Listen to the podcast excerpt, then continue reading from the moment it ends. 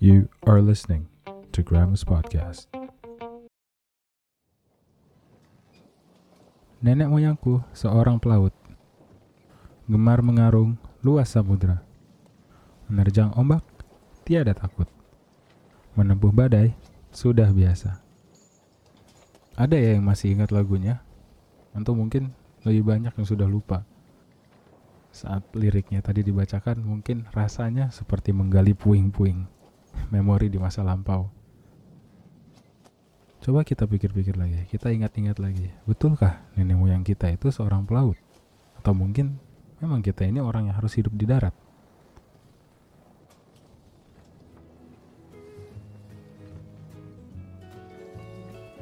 Kepulauan.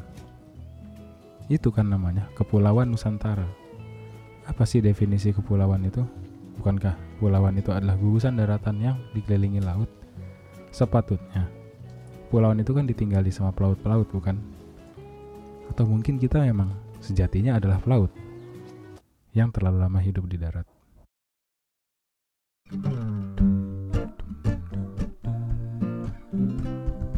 Selamat datang di podcast Gramus dalam episode Bahari.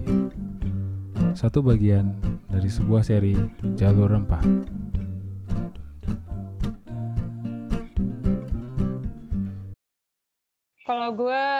Nenek moyangku seorang pelaut. Jadi kalian percaya ya nenek moyang kita orang ini ya pelaut ya? Iya. Enggak, gue gak percaya. Kita kan pelayu kan jatuhnya. Seperti kalian ketahui, kami di tim Gramus selalu membincangkan tentang tradisi, sejarah, dan sains di balik makanan Nusantara. Namun, coba kalian tengok lagi. Masih di antara kita bertiga pun belum yakin, belum pasti siapa kita sebenarnya. Apa identitas kita, dari mana asalnya, apa yang membuat peradaban kita sampai seperti saat ini sekarang. Kami pun terus mencari ke sana kemari demi mendapatkan jawaban yang setidaknya meyakinkan kami. ngomongin Indonesia ya, Mm-mm. itu kan apa ya karakter si fisik ras orangnya itu udah percampuran dan Iya, iya. banyak banget fisik orang di barat, tengah dan timurnya Indonesia tuh agak beda-beda. Itu adalah suara Abang Firman Faturrahman, seorang sejarawan dari Museum Bahari, Jakarta.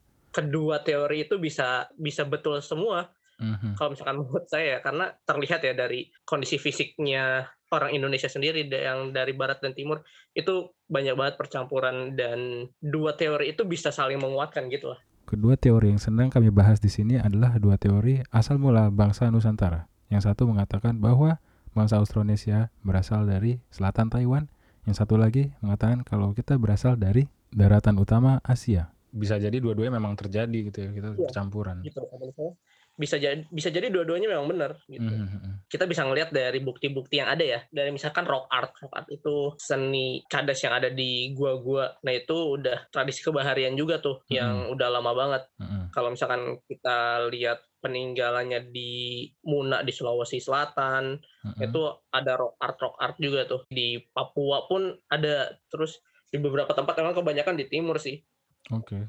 untuk budaya-budayanya ya dan terusnya dari temuan arkeologis lainnya kayak perahu ya perahu Mhm. yang ada di Punjul Harjo nah itu salah satu temuan yang masih utuh juga yang Oh, nandain eh, suatu tradisi kebaharian yang ada di Nusantara di Southeast Asia malah kan itu jadi rujukan dari Southeast Asia nggak cuma di Indonesia tapi Iya, iya. Filipina, Thailand, terusnya Malaysia juga merujuk karena itu salah satu temuan yang masih utuh ya. Selain sekarang ada temuan lagi di di Jambi setahu saya. Oh. Nah itu memperlihatkan apa ya keberlanjutan tradisi-tradisi kebaharian Indonesia tuh terjaga dan kalau misalkan Mm-mm. ditanya paling lama itu mana ya sejauh ini temuan dari temuan-temuan itulah ya yang paling lama yang dari lukisan-lukisan gue itu tradisinya tradisi pembuatan kapal yang mungkin diimajinasikan di dalam bentuk si seni cadas di gua itu.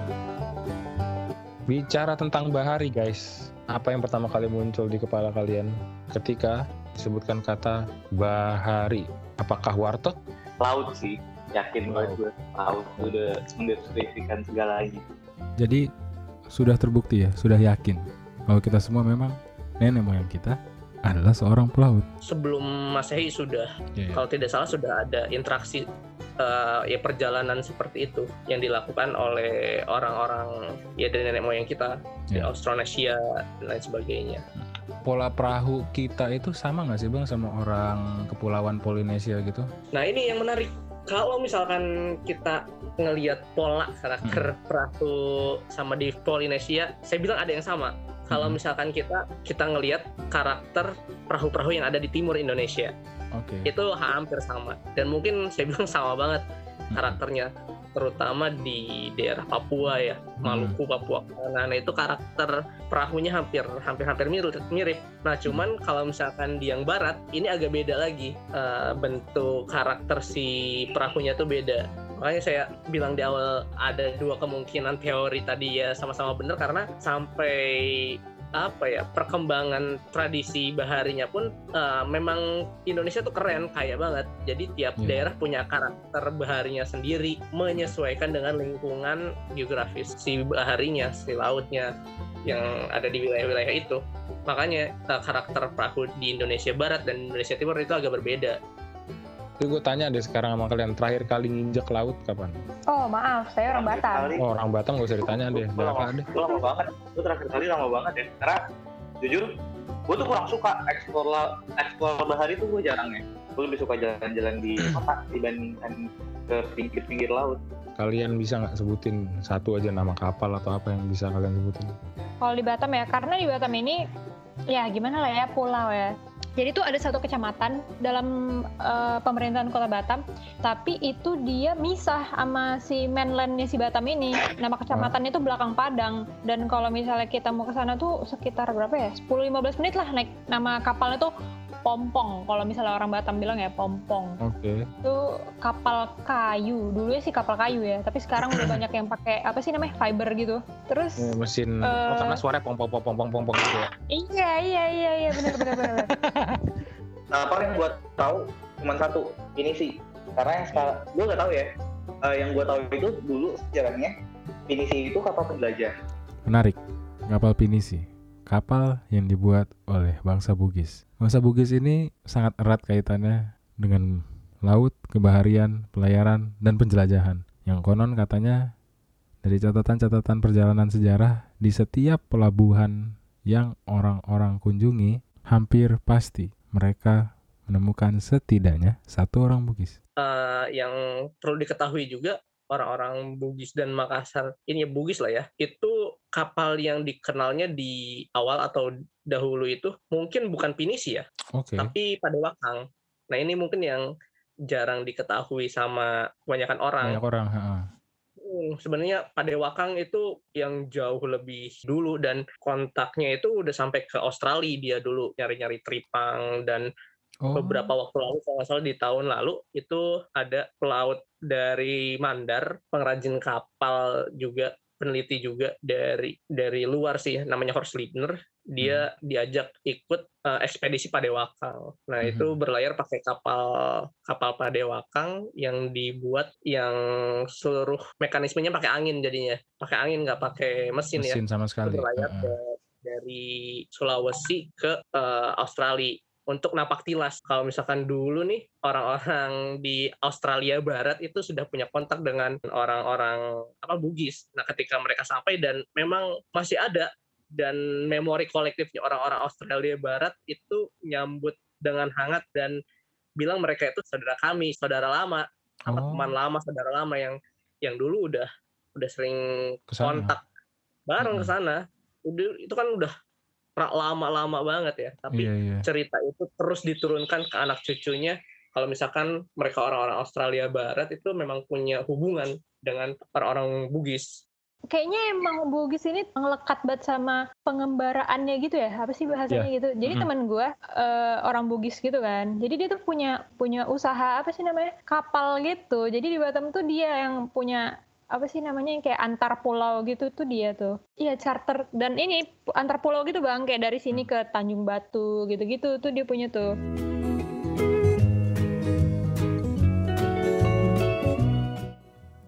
Baik, sekarang kita pejamkan mata kita sejenak. Kita bayangkan kalian harus naik perahu atau kapal di tahun 1500. Sejam kemudian setelah kalian naik kapal, kalian sudah berada di atas sebuah lautan yang sangat luas dan tiada tepi. Pertanyaannya adalah bagaimana kalian akan menentukan arah? Ke mana kalian akan pergi? Di mana kalian akan berada? Itu kan pertanyaannya. Maksudnya, kita ini milenial sudah terlahir dengan cellphone. Kemampuan navigasi ini adalah warisan budaya tak benda nenek moyang kita yang sepatutnya harus kita jaga. Namun, kemungkinan besar kalau tidak kita jaga, bisa jadi hilang di generasi kita. Itu akan sangat sungguh disayangkan. Iya betul, baca bintang, baca awan, baca apa ya kondisi alam sih mereka. Mm -mm. Dan yang menarik sih saya uh, diceritakan juga sama Mm. temen dari Bugis biasanya tuh mereka bawa ayam juga sih kalau nggak salah ya. Kalau nggak salah hidup. ya, iya ayam hidup atau Oke. burung itu sebagai penunjuk arah kalau nggak salah. Kalau nggak salah ya. Iya soalnya Kalau- di kartunnya itu ya Moana dia juga bawa itu kan ayam kalau nggak salah. Iya, si Hei Hei ya. Iya. Nah itu kalau misalkan sedikit ngomong sama Moana itu karakter si perahunya itu kan dari suku Maori ya, Polinesia dari. Ya dan si laki-lakinya itu Maui itu Mm-mm. penggambaran ilustrasi dari suku Maori di New Iya, Zealand. Nah itu karakter si perahunya tuh hampir mirip dengan karakter perahu yang ada di daerah uh, Papua dan Timur, ya? salah satu perahunya itu ada di Museum Bahari yang mirip menurut Oh. saya. Menurut saya. Karena penasaran, kami langsung pergi ke Museum Bahari. Namun di tengah musim pandemi ini memang agak sulit. Alhamdulillah beruntung kami dan para delegasi Duta Rempah dari Provinsi DKI Jakarta mendapatkan izin untuk datang ke sana dan mendapat tour guide langsung dari Museum Bahari, Mbak Destri. Ini tadinya emang ada dua apa cuma ada satu? Langsung nampak oleh kami perahu yang disebutkan oleh Bang Firman tadi. Perahu seperti di film Moana dengan satu cadik. Perahunya besar, betul-betul besar. Terbuat dari satu batang pohon yang dikeruk. Kayak cuma satu deh. Bener, cuma satu.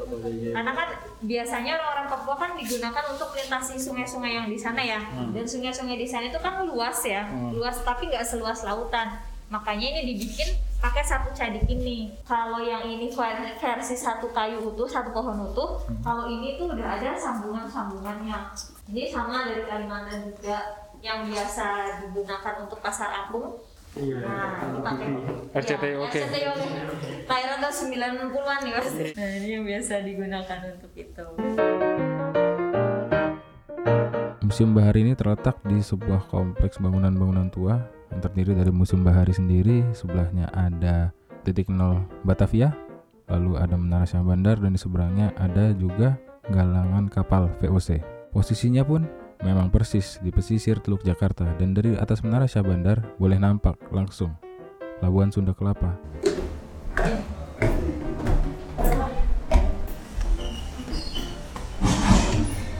Oh kelihatan ya Ya, Labuhan. Terpaan angin laut pun bisa langsung dirasakan di sana. Bangunan tua ini saat kami datangi, pintunya terbuat dari kayu yang sangat tebal. Bentuknya setengah lingkaran, memang dibuat agar bisa tahan lama. Menariknya, di bagian lantai dasar, jendelanya itu sepantaran dengan tempat kita berdiri. Itu dikarenakan bagian lantai sudah pernah dinaikkan sampai membuat jendela sepantaran dengan orang-orang yang berjalan. Ubin-ubinnya pun terbuat dari batu-batu besar yang masih asli dari zaman Belanda dahulu. Koleksi-koleksinya meliputi koleksi kapal, diorama-diorama tokoh dunia, lalu juga rempah-rempah. Ruang-ruangannya memang seperti gudang, panjang dan sangat kokoh dindingnya dari batu-batu dengan tiang-tiang kayu besi. Masih bisa terlihat di bagian luar musim bahari ini terdapat sebuah tembok tebal yang merupakan ternyata adalah tembok Batavia, seperti benteng.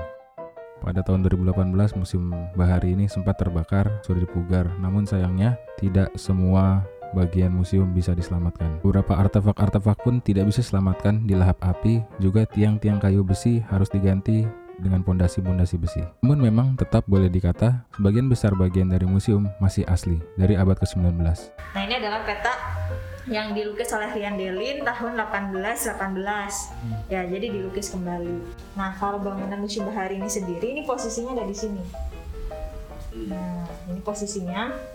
Dan ini dulu digunakan sebagai gudang rempah-rempah. Kalau misalnya nanti kakak-kakak lihat dari depan atau dari menara itu dekat dengan pelabuhan Sunda Kelapa. Ini di sini. Jadi uh, cukup strategis ya tempatnya ya.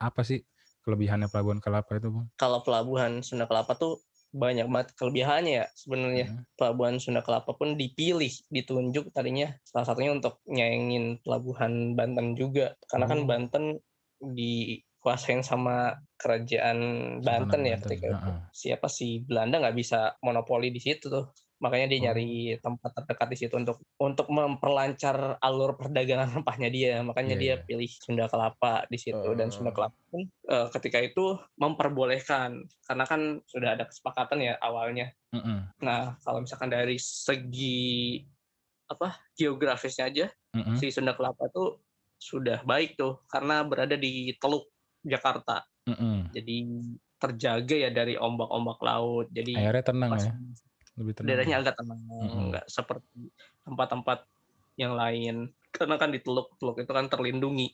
Mm-mm. Nah, ditambah si tempatnya ini pun strategis.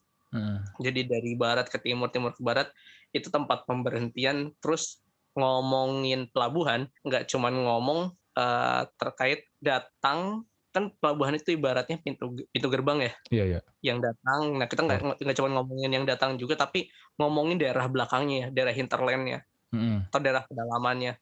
Nah daerah pedalaman si Sunda Kelapa ini Mm-mm. itu subur bisa masuk nah, kebutuhan-kebutuhan dari si orang-orang yang berdagang ini baik orang Belanda, orang Cina, Arab ataupun lainnya yang singgah di Sunda Kelapa karena Mm-mm. sokongan dari eh, hinterlandnya atau daerah belakangnya nih kalau misalkan nggak ada pasokan dari belakangnya pun daerah Iya. hinterlandnya itu Kering. ya kering juga nggak bisa ini karena ada itu semua lah jadi yang saya bilang tadi banyak hal ya dari segi strategisnya strategis terus Mm-mm. dari eh, apa ketersediaan kebutuhannya orang-orang pun dapat tersedia dari pasokan daerah hinterlandnya. Nah, itu jadi salah satunya salah satunya yang bisa membuat si Jakarta atau pelabuhan Sunda Kelapa ya ketika Mm-mm. itu jadi pelabuhan yang ramai juga Ini yang kita sering terlupa.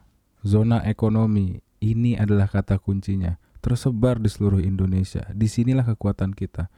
Banyak dari zona ekonomi kita yang tidak dikontrol kerajaan apa-apa. Memang hanya berdasarkan kepentingan, kerjasama, dan kepercayaan. Bukankah ini landasan ekonomi modern saat ini? Kita sudah mengaplikasikannya dari sejak zaman dahulu kala. Penjajahan ini membuat seakan-akan kita adalah sekelompok manusia yang tak tahu adab. Mereka datang ke sini berkenalkan adab kepada kita. Padahal sebaliknya. Namun di situlah kelemahan kita. Kita tidak pernah menyadari selama ini kita tinggal di tanah surga. Apa dikehendaki, apa dicari, mesti ada. Mungkin sampai saat itu semuanya merupakan sebuah keteraturan bagikan cerita penciptaan manusia. Iblis karena keangkuhannya membuat kekacauan. Taman surga yang dilindungi, paling dilindungi saja, bisa ada iblis. Apalagi taman surga kita yang kita buka selebar-lebarnya. Oh ya jelas jelas itu sudah sebelum orang Eropa datang kita udah maju banget. Pelabuhan-pelabuhannya juga sudah tahu caranya bagaimana menjadi pelabuhan yang ramah untuk para pendatang. Makanya mereka senang datang ke sini. Iya, iya. senang datang ke Nusantara senang ber, bersosialisasi berhubungan dengan eh, pedagang-pedagang Nusantara. Nah baru kan karena keserakahannya si orang-orang Eropa. Mm-mm. Kebutuhannya mereka juga awalnya kebutuhan terus jadi serakah ya Iya. akhirnya iya monopoli semuanya gitu Mungkin kalau kita lihat New York hari ini, mungkin seperti itulah Sunda Kelapa di masa dahulu. Titik-titik, zona-zona ekonomi di sepanjang Nusantara ini adalah bagian kecil dan mungkin bisa kita bilang bagian utama dari sebuah rantai yang bernama jalur rempah. Signifikansinya terhadap peradaban dunia pun tidak usah diragukan lagi. Semua masih ingat kan dengan 3G, Gold, Glory, Gospel? Mungkin mereka memang datang sini untuk mencari emas, betul-betul emas. Namun Rempah-rempah ini dulu namanya kan emas coklat. Inilah salah satu alasan mengapa budaya kita, termasuk budaya kuliner kita sangat beragam. Dari barat sampai ke timur, bagaikan sebuah mosaik yang disusun beratus-ratus tahun lamanya. Terus dan di pelabuhan-pelabuhan inilah terbentuk yang sekarang jadi lingua franca kita yaitu bahasa Melayu ya bang. Iya, bahasa Melayu juga terbentuk ya dari dia pinggir-pinggir kota terusnya saling berinteraksi. Mm-mm. Ya seperti itu benar. Pernahkah kalian berandai untuk sejenak saja mengapa bahasa Melayu atau yang setelah dinasionalisasikan menjadi bahasa Indonesia ini menjadi bahasa persatuan? Kita semua tahu bahasa di Indonesia itu banyak. Ada kurang lebih 700. Namun kenapa bisa bahasa Melayu itu jadi bahasa persatuan? Inilah zona ekonomi ini tempat terbentuknya bahasa lingua franca kita dari Banda Aceh, Malaka sampai Banda Neira. Itu yang kita gunakan boleh dilihat dari struktur bahasanya. Tidak ada kata kerja yang terikat dengan waktu. Tidak ada yang namanya gender atau jenis kelamin. Sudah hakikatnya, bahasa semakin banyak dia berkontak dengan berbagai bangsa lain, dia akan menjadi semakin sederhana. Konon katanya, di dalam istana dinasti Ming ada sebuah institut bahasa internasional dan bahasa Melayu itu jatuh ke dalam bahasa dunia Islam. Dan di abad 16 pun bahasa Melayu itu disetarakan dengan bahasa Latin dan bahasa Perancis. Mungkin karena statusnya sebagai lingua franca. VOC ini sampai sekarang ini adalah perusahaan dengan net worth paling tinggi nih sedunia. Nggak ada yang belum ada yang ngalahin. Berarti kan dari daya dia dagang-dagang di tempat kita ini hasil bumi kita gitu loh. Dia bisa sekaya itu. Nah permasalahannya sekarang kenapa kita belum bisa kaya dari rempah bang? Sekarang mungkin ya bisa jadi pengelolaannya juga ya. Si rempahnya agak kurang baik ya. Ngomongin global yang kayak sekarang packagingnya terusnya license-nya sih kalau nggak salah Hmm. bahkan beberapa waktu lalu saya pernah ngobrol juga nih sama teman-teman dewan dewan rempah. Oke. dewan rempah nasional atau dewan rempah Indonesia itu sempat datang ke museum bahari sharing-sharing terkait dengan rempah. Eh, ya rempah memang sudah turun ya pamornya sekarang. Tidak Iya. seperti dulu. Beberapa kebijakan dari pemerintah pun yang pure langsung ke rempahnya agak kurang bisa membantu si rempah untuk berkembang juga. Kita lihat karena eh, rempah terbaik pun yang eh, katanya dari Ternate, dari Banda yang Pal atau Mhm. yang sebagainya. Nah itu license-nya kan belum pengelolaannya pun belum baik dan belum bisa dikenal seperti dahulu lagi.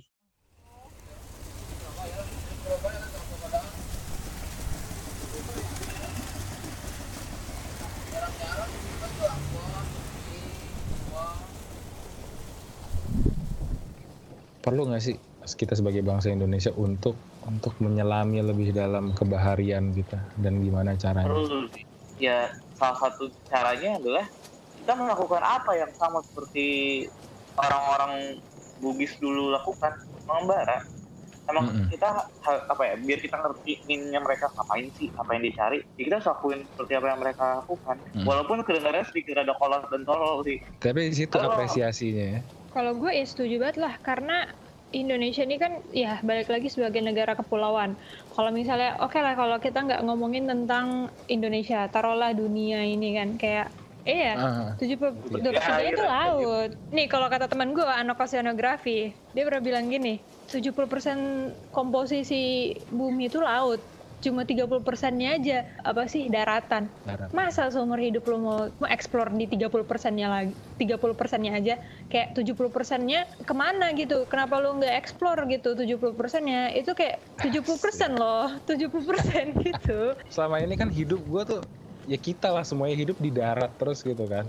Terus gue sempet Mm-mm. waktu itu pernah ke Kepulauan Seribu. Gue baru sadar ternyata gue selama ini hidup di negara kepulauan ya. Kontak gue sama air laut tuh dikit banget gitu loh. biar apa biar orang-orang muda tertarik salah satunya ya selain mengunjungi museum bahari yang di situ nyimpan jejak kebaharian Indonesia Mm-mm. ya mau nggak mau kita harus langsung harus langsung terjun untuk untuk nyobain gimana jadi orang laut itu yang yang secara sendiri sendirinya bakal numbuh eh, jiwa kebahariannya wah bener Indonesia tuh memang eh, ini bahari banget Eh, kebayang ketika di kapal perang kita kena badai di laut di laut seram laut Banda itu pakai kapal perang KRI ya kapal Hmm. perang Indonesia nah Hmm. gimana ketika orang-orang zaman dulu yang cuman pakai kapal layar yang terbatas ya nggak kayak Minim sekarang lah ya. yang Minim minim. minim nah itu Heeh. wah gimana kerennya dan strongnya ya Mm-mm. di lautan itu gimana nah itu harus kita tumbuhkan ya mau nggak mau dengan dengan terjun langsung sih Dari berlayar itu bang, untuk abang sendiri, untuk abang pribadi dari berlayar itu tuh mengajarkan abang tentang apa aja sih? solidaritas ya itu harus banget sih saling bantu saling tolong soalnya kalau misalkan nggak kayak gitu wah kamu bakal bakal kesusahan di sana Iya iya. kalau misalkan berlayar tuh nanti kerasa sendiri deh ada BT-nya ada kesusahannya kalau misalkan nggak ada kegiatan nah, ka- kamu di situ gimana harus kreatif bikin kegiatan yang buat kamu tetap hidup tetap tetap Waras. asik tetap enjoy gitu Heeh. lepas berapa kilometer dari lepas pantai itu sinyal udah nggak ada HP tuh nggak bakal berfungsi bos HP tuh bakal bakal Udah nggak ada wah, gunanya gitu.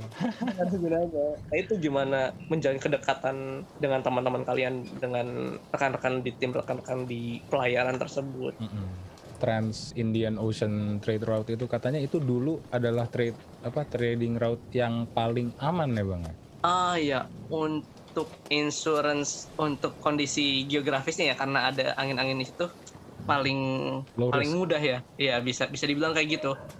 Cuman mungkin ada satu hal yang cukup terlupa juga kadang. Tapi kan di perjalanan laut tuh suka ada bajak laut sebenarnya. Oh iya benar-benar. Pak, apalagi itu di daerah Malaka nya ada istilah lanun ya. Ah Lanun bener-bener. Faktor X ya.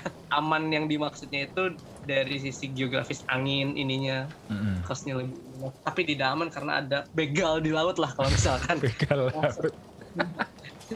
kalau bisa merasakan berlayar satu kali gitu deh dari saya هو الذي جعل لكم الأرض ذلولا فامشوا في مناكبها وكلوا من رزقه وإليه النشور Dialah yang menjadikan bumi untuk kamu yang mudah dijelajahi. Maka jelajahilah di segala penjurunya dan makanlah sebagian dari rizkinya dan hanya kepadanya lah kamu kembali setelah dibangkitkan. Melaut itu adalah keseimbangan di antara keteraturan dan kekacauan.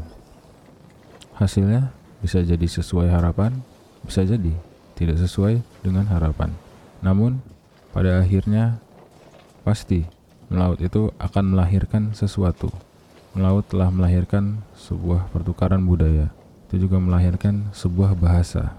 Melaut juga telah melahirkan sebuah makanan dan teknik memasak, yaitu merendang yang tahan lama untuk dibawa melaut berbulan-bulan.